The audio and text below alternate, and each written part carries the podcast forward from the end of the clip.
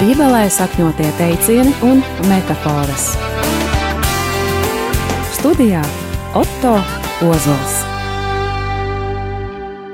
Labdien, cienījamie radījuma arī klausītāji! Studijā esmu es, Oto Ozols, un šis ir kārtējs piekdienas raidījums Bībelē sakņotās metafāras un teicieni. Jā.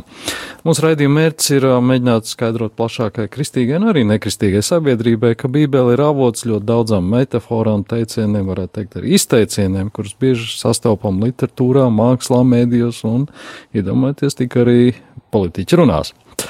Bet nereti nu, neizprotam līdz galam varbūt jēgu un kontekstu, un tādēļ jā, ir šis raidījums, kurā mēs mēģinām ā, noskaidrot, katru reizi divu teicienu vai metaforu būtību, rakstu vietu, vēsturisko kontekstu, un, un vienmēr es aicinu studijā kādu speciālistu, kurš man palīdz tikt skaidrībā ar šiem. Šodien mēs runāsim par diviem izteicieniem. Pirmais ir, kurš atnāks ar zobenu, no zobena arī kritīs, un redzījuma otrā daļā mazgāja rokas nevainībā. Šodien man studijā ir viesis Žanete Arkeviča. Labdien! Labdien! Es mazliet mēģināšu iepazīstināt jūs, ar, ar ko jūs ikdienā nodarbojaties un kāda ir, teiksim, tā jūsu saistība ar Bībeli. Es esmu pat filozofa, un es pasniedzu filozofisko antropoloģiju um, reliģijas zinātņu institūtā. Esmu arī šī institūta direktore, un uh, saistība ar Bībeli ir tāda, ka man liekas, ka tieši svētajos rakstos ir ļoti lielas bagātības un zināšanas apslēptas tieši uh, skatījumā uz cilvēku. Un uh, svētie raksti mums uh, liek domāt par cilvēku, liek aizdomāties par cilvēku dabu, iepazīt pašiem sevi arī. Ja? Un, es neesmu teoloģija bet svētie raksti man ir ļoti dārgi. Es tos patiešām studēju, lasu, jo patiešām man tie palīdz ieskatīties sevī, ieskatīties citos cilvēkos, un galvenais tie man pat palīdz iepazīt uh, savu, uh, savu sākumu, savu radītāju, savu kungu. Jā, mazliet atkāpjoties no, no, no konkrētās šīs dienas sarunas temats, bet kā jūs, es esmu nereti dzirdējis arī kristīgā vidē, ka mēdz slavēt, ka Bībele ir uh, jau gadsimtiem ilgi tāds uh, dišpārdoklis vai bestsellers. Uh, man īsti nepatīk tā, tā to uzsvērt, jo tas izklausās ļoti komerciāli, bet uh, Kas varētu būt tas Bībeles fenomens, ka tiešām 2000 gadus, nu, ja ne pat vairāk, ir tik saistoši cilvēkiem, visu iespējamo radošo profesiju, ticīgiem cilvēkiem? Kas ir Bībeles fenomena pamatā līdz pat mūsdienām, šodien, 2019. gadā? Um, pats vārds Bībele, grāmata. Mm. Un um, tā ir grāmatu grāmata, pats tas nosaukums mums liek domāt, ka viņi ir tā kā um, viena. Um, tas tā tīri, tīri lingvistiski. Um, es domāju, tas, kas piedod uh, spēku kādam tekstam, ir patiesība. Mēs varam palūkoties, ja mēs esam neticīgi cilvēku vidē, tad mēs varam redzēt uh, svētajos rakstos, ja Bībelē, vecajā un jaunajā derībā, tādu ļoti nozīmīgu kultūra vēsturisku tekstu, kuru mēs varam stādīt līdzās ļoti izciliem tekstiem, filozofiskiem tekstiem, reliģiskiem tekstiem, kuri nes sevī patiesību un kura nenoveco, jo patiesība nenoveco. Tāpat kā mēs varam lasīt Platona dialogus, katreiz no jauna un nekad nenovecos, arī svētie raksti nes sevī patiesību, kas nenoveco, bet kas dod dzīvinošu, radošu spēku cilvēkiem katrā laikā uz priekšu. Tad viens līmenis, kurā es varu atbildēt tādā kultūra vēsturiskā līmenī, šī, šīs grāmatas spēks ir patiesībā, kas ir ietverta tajā. Bet tā nav tikai kultūra vēsturiska grāmata, viena no daudzām grāmatām. Šīs grāmatas spēks ir arī dievišķs. Uh, un to mēs um, pieņemam ticībā, jo šī ir arī atklāsmes grāmata. Un tā ir atklāsme, tā nav tikai cilvēku, cilvēku prāta vai roku darbs. Pats Dievs caur cilvēkiem, kas ir rakstījuši šo, šo tekstu, ir atklājis mums patiesību, un tā ir viena dimensija, kuru mēs cilvēciskā līmenī vien nevaram izskaidrot. Tā ir šī pārdabiskā atklāsmes klātbūtne, kas ir šajos svētajos rakstos, Bībelē. Jā, paldies! Jā. Nu, pie atklāsmes grāmatas arī burtiskā nozīmē, tūlīt pat arī pieskarsimies. Jā, pirmais Mēs pirms redzējuma spriedām, tas ir teiciens vai izteiciens. Mums viesis Žaneta Narkevičs saka, ka tas ir izteiciens, tas arī piekrīt. Kurš atnāks ar zobenu, no zobena arī kritīs. Ikdienā nereti, pat bieži dzirdēts, bet kur, kur, kur tad meklējam šīs saknes? Un Bībelē tas ir Mateja Vāģēlī 28. nodaļā un arī atklāsmes grāmatā. Es nocitēšu abas rakstu vietas, un tad mēs mēģināsim saprast, kas ar to ir teikts. Šis ir gan tikai fragmenti, protams, lai labāk izprast, ir jālasa viss Mateja Vāģēlīs, vislabāk tomēr viss Bībeli, bet pieķersimies pie konkrētajām raksturvietām. Mateja Vāģēlīs 26. nodaļa no 45. līdz 52. pantam.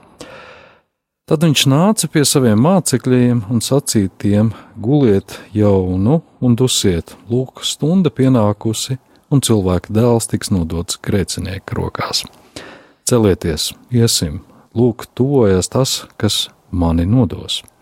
Un kamēr viņš vēl runāja, lūk, nāca Jūdas, viens no divpadsmit, un līdz ar viņu daudz ļaužu ar zobeniem un rungām, kurus sūtīja augstie priesteri un tautas vecākie bet viņa nodevējs bija devis tiem zīmi, sacīdams, kur es skūpstīšu, ir viņš, to aizturiet. Un tūlīt viņš piegāja pie Jēzus un sacīja: Esiet sveicināts rabī, un skūpstīja viņu, bet Jēzus sacīja viņam: Draugs, kāpēc tu atnāci? Tad tie piegāja, satvēra Jēzu un aizturēja viņu. Lūk, viens no tiem, kas bija ar Jēzu, izstiepa roku, izvilka savu zobenu, cirta augstā priestera kalpam un nocirta tam ausi. Tad Jēzus sacīja viņam: Liec savu zobenu savā vietā, jo visi, kas zobenu tver, no zobena ies bojā. Tas bija Dieva vārds no Mateja Vāģelijas 26. nodaļas, 45. līdz 52. pantam. Šī pati doma ir ietverta arī atklāsmes grāmatā, 13. nodaļā, no 10. 13. nodaļa, no 10. 10. 10. pants, 49. un 50. Tur ir teikts, kas ņems gūstā, aizies pats gūstā, kas nokauj ar zobenu, to nokaus pašu ar zobenu. Šeit parādās svēto izturība un ticība. Bībelē sakņotie teicieni un metafāras. Jā, Žanet, tad kā mēs saprastu šīs, šīs abas raksturvietas un, un kas šeit tiek skaidrots? Sāksim ar Mateja evaņģēliju. Oto, jā, jūs izvēlējāties ļoti spēcīgas vietas, un viņas ļoti bagātas ar, ar dažādiem, dažādām lietām, ko būtu vērts pārdomāt. Bet mums laikam būs ļoti jāsašaurina šī saruna varbūt tieši uz to izteikumu. Un jūs ļoti pareizi teicāt, ka tiešām mums tuvojoties svētajiem rakstiem, ir svarīgi redzēt viņus gan konkrētajā rakstu vietā, gan arī kopsakarībā visā Bībelē, un tā to pilnībā var labi redzēt tieši teologi cilvēki, kas to varbūt specifiski tā arī ir studējuši detaļās, bet katrs no mums mēs varam lasīt un pievērst un skaidrot lietas un simbolus un vārdus, Dievu vārdu personiski, kā mēs to redzam, un pieķersimies tad lūk šim izteikumam, kurš atnāks ar zobenu, no zobena arī kritīs. Gribētos teikt, ka mums būtu jāsaprot, kā tad tīri simboliski pats zobens ienāk dažādās kultūrās. Zobens no vienas puses ir ierocis, um, ar kuru var nokaut, var nogalināt, var atņemt dzīvību. Mēs arī zinām, kaut vai no grieķu kultūras, no grieķu un romiešu kultūras, ka zobens ir arī, nu, kā lai saka, taisnības zīme, simbols, ja? ka zobens sargā taisnīgumu, patiesību. Un, lūk, viņam ir tā kā ļoti plašs tāds nozīme diapazons zobenam. Lūk, um, šajā fragmentā, kas, protams, ir nu, kaut kādā ziņā kulminācija svēto rakstu un evaņģēlīja kulminācija, un to es saku, teiksim, lasot pašu pirmo pantu, kad ir pienācis lai, laiks, um, lai cilvēka dēls tiktu nodots. Tāda izšķiroša brīdis, tā tad mēs to saprotam, ka tas ir kaut kas īpašs. Jo līdz tam Jēzus vienmēr saka, laiks nav pienācis. Un tagad ir tiešām ir pienākusi stunda, lūk, ir lūk, stunda pienākusi, un cilvēka dēls tiks nodots. Tad, tad tas jau uzliek šo ļoti tādu augsto uzstādījumu šai rakstu vietai. Un tad, ko mēs redzam, gandrīz mēs varam tā um, arī savā skatienā iztēloties to, to situāciju, viņa ir ļoti izteiksmīga. Jēzus tā kā modina, aicina celieties, iesim, lūk, tuvojas tas, kas man nodos. Jo mācekļi ir tā kā iemiguši, viņi ir miegaini, viņi nav nomodā. Un lūk, nāk jūdas, un te ir ļoti viena izteiksmīga vieta. Te arī varētu jūs kādā raidījumā um, paskatīties uz šo brīdi, kādā veidā jūdas nodot. Uh, Te ir Jēzu. arī tās, nu, pazīstamā vieta, ko mēdz arī ar citu izteicienu apzīmēt jūdas skūpsts. Tieši skūpsts. Jā, skūpsts. tas ir arī mākslā bieži. Jā, protams, šī vieta ir ļoti daudz atveidot uh, mākslā, un uh, jūdas skūpsts, uh, parasti mēs skūpstām draugu, savu dārgu cilvēku. Un mēs redzam, ka šis cilvēks jūdas, nu, ja mēs tīri cilvēciski raugamies, viņš, eh, viņš ir kaut kādās krustcelēs. Jo šādi rīkoties, jā, teiksim, skūpstīt, nododot ārkārtīgi simboliski uzlādēt darbību, skūps kā nodevība. Bet mēs, jā. Nu, sanāk, te būtībā viņš ar, ar šo skūpstu arī nodod zīmi. Tas ir kā signāls, uh, Jā, no. tas ir signāls, ar kuru viņš ļauj šim, šim ļaužu pūlim, kuri starp citu nāk ar zobeniem un rungām, tātad ar ieročiem. Šeit zobens nāk, kā, parādās tieši šajā, šajā visu tādā tiešākā nozīmē, kā ierocis, ar kuru nogalināt kādu, ja, tad viņš tādā veidā ļauj atpazīt Jēzu lūk šim pūlim, nodod viņu, parāda, kurš viņš ir. Priekš Jēzus, ja Jēzus nebūtu cilvēka dēls, tas varētu būt vienkāršs veiciens, bet Jēzus, viņš redz jūdas vēseli, ļoti sarežģītas attiecības tās ir. Tā ir, laikam, cita raidījuma tēma. Jā, mēs pavirsīsimies priekšu tālāk. Tas Viņš tikai raksturo, cik, cik bagāts ir šis te, šie teksti būtībā. Jā, mm bet nu, tā doma par to zobenu, uh, nu, te tas. Te tā doma, tagad novirzam, ejam tālāk. Jā. Un lūk, tad, kad Jēzus tiek satverts, aizturēts, mēs lasām, lūk, viens no tiem, kas bija ar Jēzu, izstiepa roku, izvilka savu zobenu, cirta augstā priestera kalpam un nocirta viņam ausi. Visdrīzāk, tas varētu būt Pēters. Mēs zinām, ka Pēters mīl Jēzu, un viņš mīl viņu kaislīgi. Viņš ir gatavs atdot savu dzīvību par viņu. Un ja, e, Pēterim laikam visvairāk ir raksturīgs šis dedzīgums. Viņa sirds deg par Jēzu. Un tad mēs redzam, uh, Jēzus atbildi liet savu zobenu savā vietā, jo visi, kas zobenu tver, no zobenies bojā. Bet būtībā tas viņš jau mēģina aizsargāt savu skolotāju. Viņš, nu... Jā, um, savu skolotāju jūs ļoti pareizi teicāt. Uh, Pēteris visu laiku līdz pat krusta nāvei viņš mācās, un viņš mācās viņš no Jēzus, no sava skolotāja, un šī skola ir ļoti smeldzīga, ļoti sāpīga, un mēs zinām tos brīžus, kad arī Pēters ir vājš, kad viņš nodod, un viņš ir Lūdzu, kungs, apžēlojies par mani, jo viņa loģika joprojām ir cilvēciskā loģika arī šim žestam, tvert pēc zobena, aizstāvēt savu, savu, savu kungu, savu pestītāju, savu draugu, savu skolotāju. Es neļaušu viņu nodot. Mēs, mēs varam iedomāties, ļoti skaidri redzam šo cilvēcisko drāmu, kas ir Pēterī, un šo spontāno reakciju, un šo dedzīgo raksturu, un tad nāk Jēzus vārdi, ko tu dari. Liet savu doba, zobenu savā vietā, jo visi, kas zobenu tver no zobenies bojā. Un te Jēzus māca, nu pieņemsim, ka tas ir Pēters, jā, jo šajā rakstu vietā tā netiek teikts.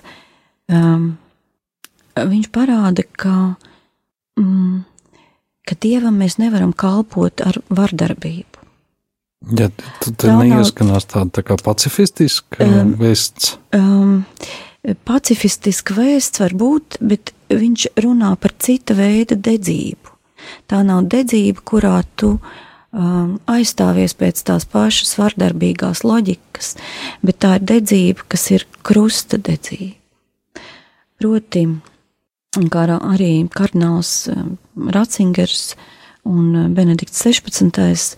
runājot par Jēzu un, eh, un, un arī šo dedzību svētījos rakstos, viņš saka, ka mm, patiesās dedzības mēraukla ir mīlestība, dāvājošā mīlestība, tā ir kristietība, tā ir vēsts, ko nes Jēzus. Un kristietim ir jāorientējās uz šo dedzību. Tātad uz šo mīlestības loģiku, uz šo dāvājošās mīlestības loģiku. Un tā nav vardarbība, tā nav atbildi pēc tiem pašiem pasaules principiem. Pēterim to ir grūti saprast tajā brīdī, viņš grib aizsargāt sava, sava kunga, savu pestītāju, um, savu skolotāju dzīvību. Un um, viņš par viņu iestājas, viņš karo pēc tiem pašiem principiem, kā tie, kas nāk viņu sagūstīt, un Jēzus viņu aptur. Viņš saka, ka tā ir cita loģika, ko viņš grib Pēterim iemācīt. Es, es domāju, ka te laikam būtu vērts atgādināt arī to, ka Bībele vienmēr jālasa arī vēsturiskajā kontekstā. Vienmēr jāatcerās, ka mēs runājam par to laiku, par tiem apstākļiem, kādi tieši aprakstītie laikā bija. Un tad jau ar zobenu kārto lietas daudz, daudz biežāk nekā, teiksim, tas ir mūsdienās. Tā kā nu, šī reakcija ir jau pilnīgi dabiska, bet, bet vai tā ir vēsts arī, es nezinu, mūsdienu kristiešiem, ja, ja nāk kādas ļaunas varas apcietināt sev tevs tuvu cilvēku vai svarīgu cilvēku, tad nepretoties ļaut viņu sagūstīt, aizvest? Ne, nu, pirmkārt, Jēzus nenāk kā grāvējs viņš e, nenāk kā dumpinieks ar savu zobenu. Tas ir pirmais, ko viņš rāda. E, viņš nāk ar dziedināšanas dāvanu, un, ja mēs paskatāmies, tad viņš pēc tam pieskaras tā cilvēka ausī. Tā pieskāriens nozīmē, ka, cīm redzot, viņš arī viņam palīdz, viņš dziedina.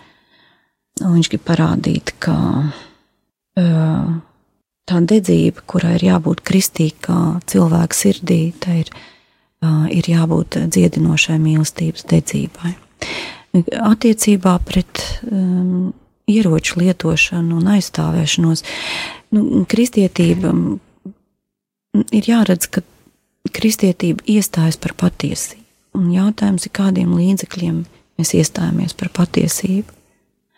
Un um, es domāju, ka baznīcas mācībā um, um, ir Nav tā, ka ir aizliegts lietot ieročus. Jautājums ir kāda mērķa.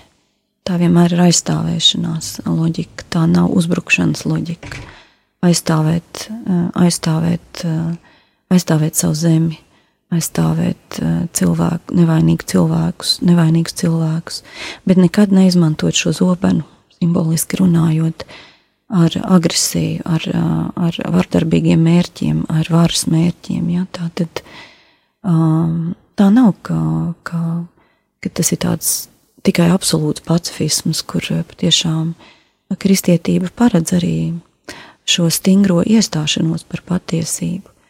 Jautājums, kas, kāda ir šī mm, patiesība, par kur iestājamies, vai mums ir uh, skaidrība sirdī, kā mēs, kā mēs lietojam šo savu zobenu, teiksim tā, vārda zobenu vai fizisku zobenu. Ja? Vai, vai te ir tas izteiciens, kurš atnāks ar zobenu, no zobena arī kritīs? Ļoti svarīga tā saikne, jā. jā. Kā jūs Ja, bet, teiksim, tā precīzi, tā 52. pantā ir teikts, jo viss, kas zobenu tvēr, no zobena ies bojā. Uh, Jā, nu šeit mēs redzam šo um, kaut kādā mērā arī izšķiršanos, kas mums katram jāizdara. Ja mēs sekojam šai loģikai, šai vardarbības loģikai, ka mēs ļaunumam atbildam ar ļaunu, ar to pašu, mēs ceramies pēc zobena, lai cīnītos, ja mēs it kā ļaujam uzspiest sev tos noteikumus. Jēzus aicina mums iziet ārpus šīs dots pret dotu loģikas, iegūt lielāku brīvību tajā. Tas nenozīmē, ka mēs tā kā mm, neredzam to ļaunumu, ignorējam to ļaunumu, kas mums tiek uzspiests Bet viens no, tiem, viens no tām lamatām arī cilvēku attiecībās, ka mēs iekrū, iekrītam ļaunuma loģikā. Ja mums nāk kāds cilvēks ar agresīvu vārdu, ar uh, agresīvu fizisku uzvešanos, ja mēs to līdz pat reaģēsim ar to pašu, mēs it kā pakļaujamies tiem noteikumiem. Mums, teiksim, mums būtu jāmēģina iziet no šīs loģikas, Protams, lietojot arī veselo saprātu un aizsargājot sevi, ja, bet mūsos ir jābūt pietiekamai brīvībai, lai mēs nesakotu mums uzspiestiem, mums nepieņemamiem noteikumiem. Jo pasaule faktiski uzspiež bieži vien cilvēkiem darboties. Tā nav primāri viņu izvēle, kā viņi gribētu rīkoties. Mums, mums būtu jābūt brīvākiem, mums jāmācās brīvība un arī jāmāk atpazīt patiesību šajā situācijā. Un arī to, ka bieži vien tieši um, ļaunuma loģika ir agresija, uzspiešana. Cilvēks ir aicināts brīvībai, vai lielākā dāvana, ko cilvēks saņēmis. Un Jēzus ir tas, kurš saka, tu esi brīvs, un viņš aicina mūs uz maksimālo brīvību. Es uh, tagad daudz negrēku, nu, es, es atvainojos, bet varbūt vienkāršošu mazliet tā, ja tā drīkst, vai te nav mazliet sasauc ar to angliskajā, angliski runājušo vidē pazīstamo teicienu, lai dejot tango ir nepieciešami divi. Jā. Um, es domāju, lai dejot tango, ir nepieciešami divi tieši tā. Tā ir attiecību sfēra tā ir attiecību sfēra. Un, um, kā jūs domājāt, lai dejot tango, ir vajadzīgi divi? Kā Jā. jūs redzat to saikni, lai es tā kā varētu? Nu, Jēzus it kā, nu, es mazliet pārfrāzēju, mazliet tā, bet viņš, viņš būtībā saka saviem mācekļiem neielaidies dejā, neuzsāc dejā ar ļauniem, ar ļaunumu, ar nodevējiem, neielaisties, neturpināt viņu uzspiest to jā, kā jūs teicat, loģiku vai rīcības modeli. Kaut kādā ziņā mm, situācija ir tā, kas vieno cilvēkus šajā brīdī. Ja? Tur ir atnākuši, mēs varam iztēloties tiešām kā gleznā. Tur ir sanākuši tie cilvēki ar ungām, ar zobeniem, tur ir jūdas, tur ir jēzus un tur ir viņa mācekļi. Un ir tā konfrontācija. Uh, tur ir šī attiecību sfēra, um, ne Jēzus, ne viņa mācekļi nevar izlēkt no šīm attiecībām. Viņi ir šajās, kā jūs teicāt, attiecībās. Tur ir divas puses. Bet jautājums pēc kādām, nu, tā kā uh, pilnīgi neiesaistīties nav iespējams, bet jautājums, kādā veidā. Kādā veidā tas tango tiek dejots, ja vispār ir adekvāti viņu attiecināt uz šo uh, vietu, Tātad Tas māceklis, kas tver zobenu, viņš iet pēc tās pašas loģikas. Jēzus viņu aptur, viņš iesaistās attiecībās. Viņš pat tam cilvēkam, kurš, nu, kurš tiek, nu, kuram tiek nocirsts tausts, viņš tā kā pat pieskarās pēc tam, ja viņš, viņš saglabā cilvēcību tajās attiecībās, viņš, viņš nezaudē tos cilvēkus. Jēzum svarīgi, viņš ir nācis pie tiem grēciniekiem pat tad, ja viņi ir ļaundari. Viņš iet mhm. tālāk, viņš paplašina robežas, saprotiet. Un tā kā viņš neiziet nu, no, šī, no, šo, no šīm attiecībām, situācija vieno viņus visus, vienkārši jautājums, kāda ir šo attiecību kvalitāte, kā mēs rēģēsim. Jā, skaidrs. Un vispēcot beidzamais jautājums, vai te nav arī, zinām, no pravietojums ietverts, jo viņš saka, jo visi, kas zobenu tver, no zobenies bojā. Um, es domāju, ka te tiek norādīts uz vienu kaut kādu ļoti um, fundamentālu lietu, um, kas ir saprotama ne tikai kristietībā, bet arī citās kultūrās, arī romiešu, grieķu kultūrā, attiecību sfērā, ka uh, cilvēks ir aicināts uz, uz tādu likumisku morālu dzīvi. Un, mm, un ka, ja tev rīcība būs netīra, ja viņa būs, ja viņa būs ļauna, šis ļaunums kaut kādā veidā nāks tev atpakaļ. Kad nu, mēs latviešu arī zinām, teicienu dots devējam, atdodas, ja, tad lūk, šajā garīgajā, arī morālajā sfērā mm, nekas nav neitrāls. Tu iekrāso, pat ja tu gribi atkāpties kaut kādā ziņā, būt ne, tu neesi neitrāls attiecību sfērā. Pat tad, ja tu noklusē, pat tad, ja tu nerīkojies, tava rīcība ir ar morālu nokrāsu.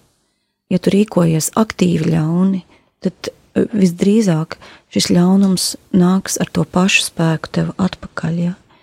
Tev, tu nedrīkst pakļauties tā loģikai, jo e, tādā veidā tu iesaisties tajos noteikumos. Cilvēks ir aicināts neiesaistīties ļaunuma loģikā, neiesaistīties agresijas loģikā. Tā ir likumīga, likumīga rīcība. Cilvēks ir aicināts uz svētumu, uz likumisku rīcību, un uh, viņam nevajadzētu pakļauties. Cita lieta, ka cilvēki ir vāji, un uh, viņos notiek daudz cīņas. Jā, nu skaidrs.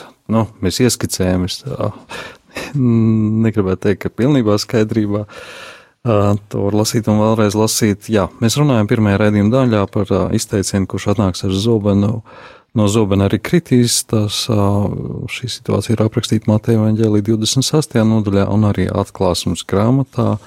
Un, jā, nu, mēs ieskicējam, un es aicinu visus vēlreiz un vēlreiz pārlasīt šīs lietas un pārdomāt. Es ceru, ka mēs uh, uh, vismaz interesējam par to. Tagad ir neliela muzikāla pauze, pēc kuras mēs ķersimies klāt pie otra teiciena, kurš saucās Mazgāja rokas nevainībā arī ļoti pazīstami. Tiekamies jau pēc neliela mirkļa. Bībelē sakņotie teicieni un metafāras.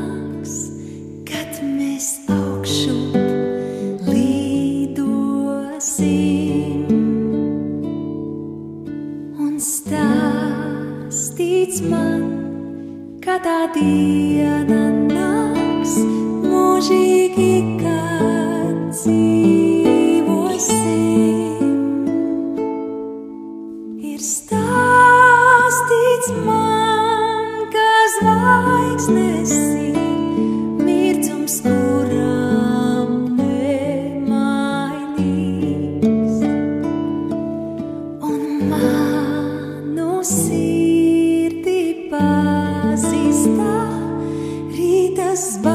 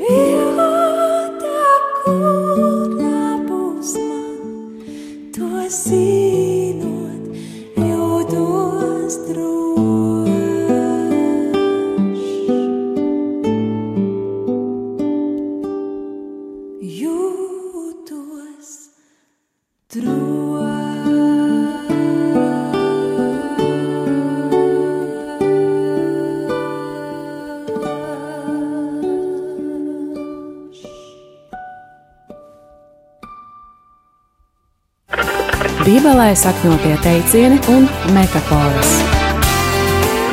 Studijā Otto Ozols. Šodien mēs runājam par izteicieniem, diviem, un raidījuma otrajā daļā mēs ķeramies klāt pie izteiciena mazgai rokas nevainībā. Atgādinu, ka šodien studijas viesis ir Žanete Narkeviča.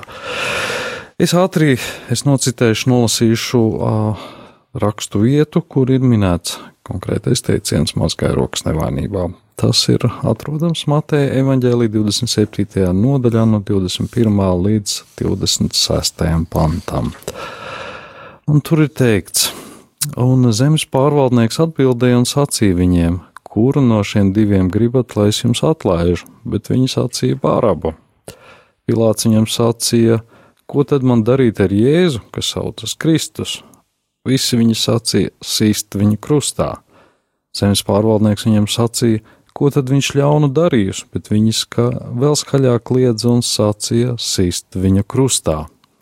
Bet Pilārs, redzēdams to, ka viņš nekā nepanāk, bet troksnis pavairojas, ņēma ūdeni, mazgāja rokas tautas priekšā, sacīdams: Es esmu nevainīgs pie šī taisnīgā asinīm, skatieties paši. Un visi ļaudis atbildēja un sacīja: viņa asins, lai nāk pār mums un pār mūsu bērniem. Tad viņš atlaida bārābu, bet Jēzu šaustītu nodeva tiem, lai sit viņu krustā. Amen. Tas bija Dieva vārds Mateja Evanģēlis 27. nodaļa no 21. līdz 26. pantam. Jā, nu, šī ir atkal ļoti plaša vieta. Vai jūs varētu atgādināt klausītājiem, kas, kas notiek konkrētajā situācijā? Kas, kas ir šī vieta? Nu, faktiski tā ir mm, arī viena ļoti, ļoti izšķiroša vieta svētajos rakstos, kur Jēzus tiek uh, tiesāts. Uh, ļoti dramatiska vieta jo Jēzus tiek atvests pie, pie pārvaldnieka, pie Pilāta. Turpat arī pulcējās eh, jūdi, kuri paši negrib tiesāt, um, um, viņi negrib kā, pieņemt gala spriedumu, viņi atved viņu pie Pilāta, lai tieši viņš izšķir šo nāves soda jautājumu. kurš ir faktiski okupācijas režīma pārvaldnieks. Jā, bet, um, bet vienlaikus Pilārs ir arī ļoti dramatisks un um, nu, interesanta personība šajā, šajā situācijā. Mm, un, viņš... viņš no vienas puses, kā Romas pārvaldnieks, um, viņam nav tā kā jāiedziļinās jūdu, um, teiksim, um, um, Um, jūdu ticības detaļās un tajos pārkāpumos, bet viņš tiek atvest Jēzus pie viņa kā, kā dumpinieks, kas varētu apdraudēt Romas kārtību, Romas mieru. Un uh, šajā sarunā um, Pilārs ļoti ātri saprot, ka īstenībā Jēzus nav nekāds dumpinieks, kas varētu apdraudēt šo kārtību bet ka tur ir kaut kādi citi iemesli, kāpēc viņš tiek um, notiesāts. Un viņš labprāt viņu atstātu pašu jūdu tiesas ziņā. Bet šajā sarunā ir viens lūzuma posms, kad, kad Pilārs nobīstās. Viņš nobīstās, jo um, no vienas puses šīs bailes ir saistītas ar viņa sarunu eh, ar Jēzu, kad Jēzus pats kā pasaka, ka, eh, ka viņš ir ķēniņš, tikai viņa valstība nav no šīs pasaules.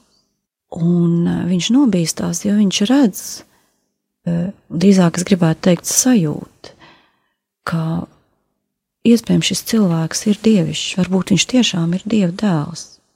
Bet šīs ir tādas sajūta līmenis, jo viņš uh, nobīstās, ka, ja viņš apsūdzēs šo cilvēku, varbūt dievišķie spēki viņam par to liks atbildēt. Tā ir kaut kāda intuīcija vai kaut kādas sajūtas, kas viņā rosās no vienas puses. Tas ir bailes no šiem dievišķiem spēkiem. No otras puses, uh, viņam nostrādā arī uh, šīs pragmatiskās bailes. Jo viņam saka, jo jūdi pasaka, ka, nu kā tev taču jāiestājas par Romas kārtību, viņš ir dumpinieks, un ka tad viņi. Ka tad viņš var zaudēt savu pozīciju, arī politisko, ja kāda viņam ir. Un te viņš nobīstās par savu karjeru, par savu, par savu teiksim, šo pragmatisko pusi. Un mēs redzam, šeit ir tās kaislības, viņa bailes ir tās, kas savažo šo cilvēku tajā spriedumā, viņš ir sasaistīts. Un tad ir ļoti dramatisks brīdis, kad uh, Pilārs uzdod šo jautājumu, kas ir patiesība. Un arī ļoti daudz apspēlēta ir šī vieta, pārdomāta. Uh, un es arī domāju, ka mēs ar, lasītā, ar klausītājiem varam tikai ievadīt šīs pārdomas un palikt ar viņām arī paši. Es, uh, Pilārs ir skeptiķis. Viņš uzdod jautājumu, kas ir patiesība. Un viņš kaut kādā ziņā Jēzus stāv viņa priekšā un fiziski ar savu klātbūtni, ar savu personas spēku viņš liecina, lūk, es esmu patiesība. Un iespējams Pilārs mm, sajūt šī cilvēka dievišķumu, viņa lielumu. Ja? Bet viņš tajā brīdī, tas viņa jautājums, viņš vairāk ir jautājums sev, kas tad ir tā patiesība? Un tas ir jautājums arī visiem cilvēkiem, kur tu atrodies šai patiesībā. Vienlaikus ir nu, lūk, šī drāma ar šīm bailēm, izšķiršanos. Man ir jāpieņem šis lēmums. Un tad, tad viņš no vienas puses viņš grib distancēties. Viņš grib parādīt, ka man nav nekāda darīšana ar jūsu, ar jūsu reliģiju, ar jūsu spriedumiem. Es neatrodu nekādu vainu pie tā cilvēka no vienas puses. 24. pantā viņš ļoti precīzi un skaidri saka, es esmu nevainīgs pie šī taisnīgā asinīm. Skatieties paši, viņš jau precīzi nodefinē. Jā, mēs, jā, ja mēs lasām atsevišķo šo pantu, viņš kaut kādā mērā pasaka, ka viņš ir nevainīgs un um, viņš grib tā kā mazgāt rokas nevainībā. Viņš grib parādīt, ka no savas puses eh, viņš neatrod to vainu pie viņa. Bet pēc tam mm, mēs redzēsim, ka viņš nodod Jēzu, eh, viņš piedāvā mainīt viņu pret barabu. jā, tad, tad tā, tā, tas amnestijas tā piedāvājums.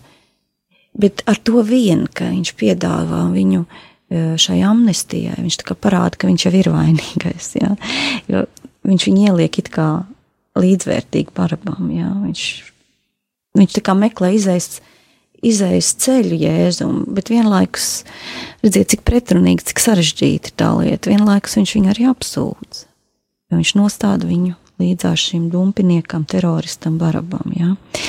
Tagad um, te nav tā kā, tāpēc Pilāts arī kļūst par tādu dramatisku figūru. Noteikti esat arī lasījuši Bulgāko meistaru Margaritu, kur kā parāda šī, šī cilvēka ārkārtīgi pretrunīgo pozīciju. Viņa šaubas, viņa skepsis, viņa kaislības, arī varas kāra, eh, pragmātisms, skepticisms.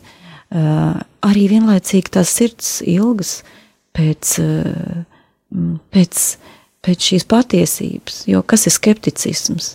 Tā, tā ir tāda pozīcija, filozofiska, cilvēciska pozīcija, kurā cilvēks nevis noliedz patiesību, bet viņš īsti nevar izdarīt to gala spriedumu. Viņš nav agnostiķis tāds, kurš noliedz, ka pastāv patiesība, bet viņai ir šī skepse vai šeit ir tā patiesības pilnība vai nav. Un tāpēc arī tas roku žests, mazgāšanas žests, viņš šajā skepticismu un arī sarežģītajā politiskajā kontekstā un Pilāta eh, personiskā, teiksim, šo baiļu drāmas kontekstā, mm, viņš iegūst nu, ļoti lielu kāpinājumu simbolisku.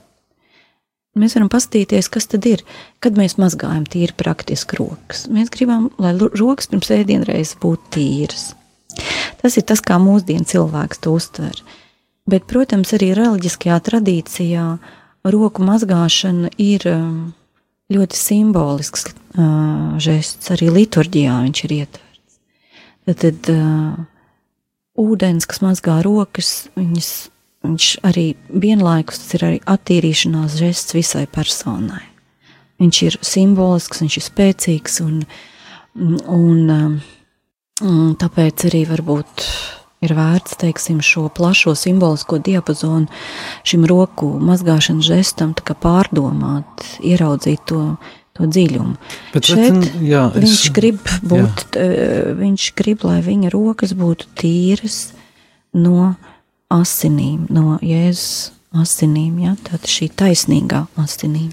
Bet vai te nav arī iekļauts vēstījums, šis patiesais vēstījums par, par, par cilvēku, kurš pakļaujās pūļas spiedienam, kurš nu, mūsdienās tās smalki ļaudis saka par mainstream spiedienu, kad lielajai straumē, bet, nu, būtībā Tas ir vēsturiski zināms, kad reizēm valdnieki mēģinādami izdabāt pūlim vai kaut kādai šai pamata masai pieņem lēmumus. Jā, mm, es domāju, šeit ļoti sakāpinātā veidā e, mēs redzam to cīņu, kas notiek katrā cilvēkā, jo man liekas viens no lielākajiem izaicinājumiem, pārbaudījumiem, klupšanas akmeņiem cilvēkiem ir saskaršanās ar varu, bagātību, varu. Eh, un eh, Pilāta personā mēs tā kā varam ļoti eh, dramatiskā veidā ieraudzīt šo pretrunu jūru, kas, un arī to kaislību jūru, kas noriec, un tos procesus, kas norisinās katrā cilvēkā, kad viņam ir tomēr līdz galam jāizšķirās par patiesību, kur tu atrodies. Un Pilārs šajā situācijā viņš, viņš pakļaujas tam spiedienam. Viņš tā kā viņš padodas tam spiedienam. Bet vienlaikus mēs arī redzam visus tos procesus, tos jautājumus, kas viņā te ir ļoti daudz, kas šajā raksturvietā. Jā, un tas ir viens no beidzamajiem jautājumiem 25. pantā ir teikts, un visi ļaudis atbildēja un sacīja, viņa asins lai nāk pār mums un pār mūsu bērniem. Es aizdomājos, vai, vai viņi maz apzinājās, ko, ko viņi pasaka, ko viņi dara, ko viņi nolemj būtībā sev paši. Viņa asins nāks pār mums un mūsu bērniem.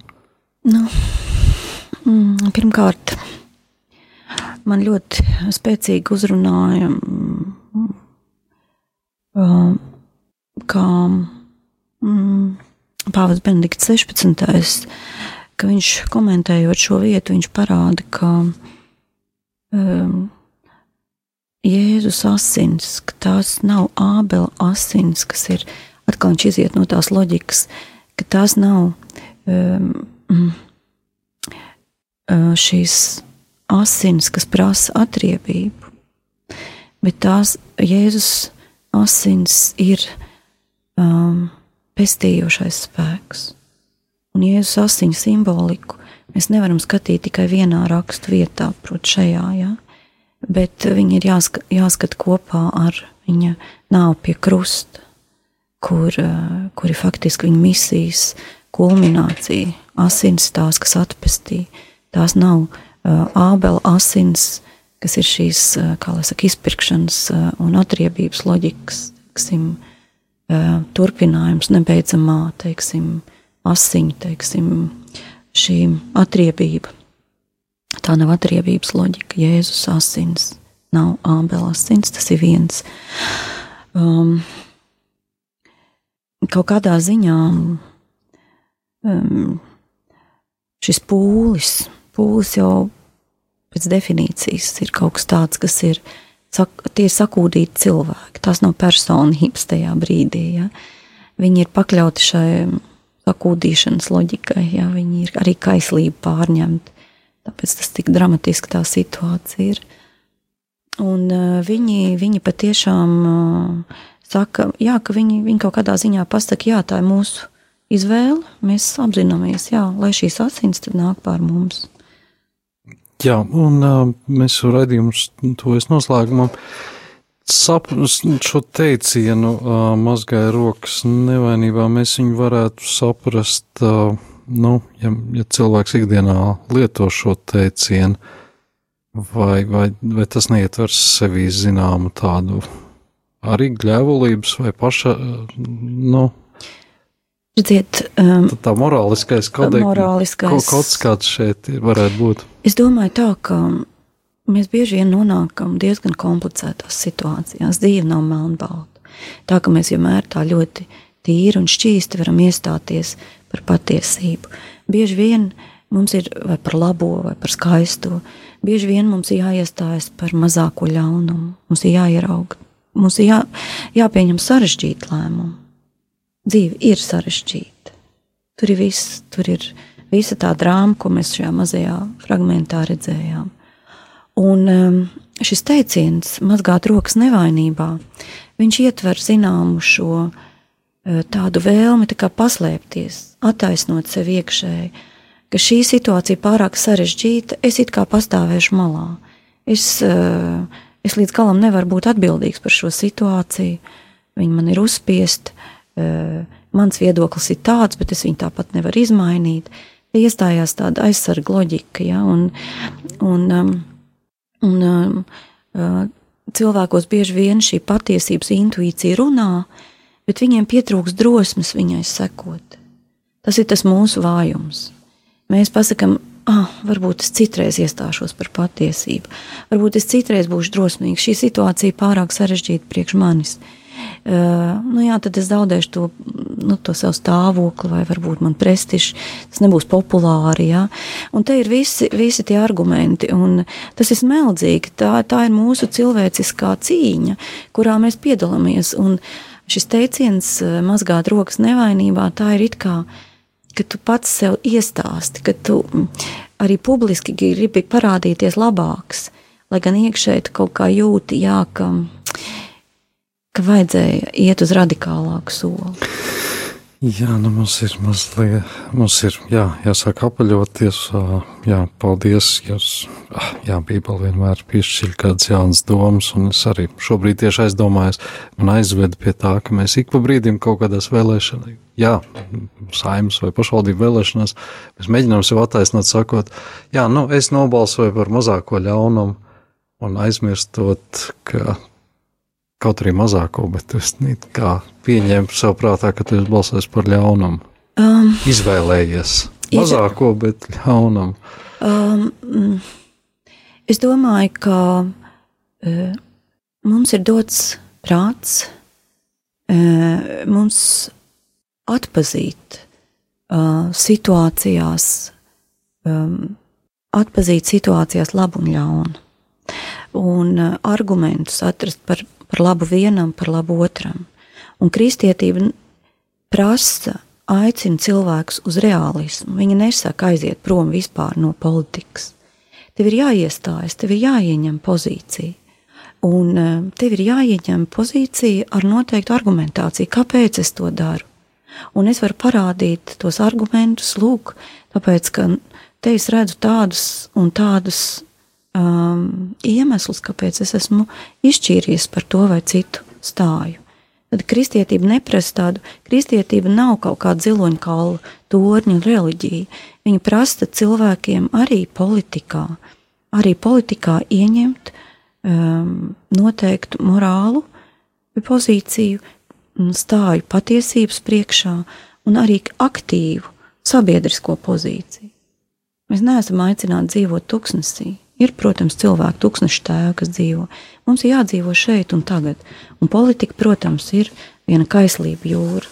Jā, šī arī it kā politiski, bet tajā pašā laikā ilustratīva savieno, kur mēs redzam ar garīgo mm. dimensiju. Jā, Jā nu, ar šo man ir jāpaļojas ar šo šī vakara redzējumu atgādinu, ka studijā es runāju par divām raksturvietām ar um, Žanetu Nerkeviču. Studijā bija Oto Uzols, un uh, tiekamies atkal pēc nedēļas. Sveitīgi jums nedēļas nogalu un visu nākošo nedēļu. Visu labu! Paldies! Adieu! Bībelē sakņotie teicieni un metafāras.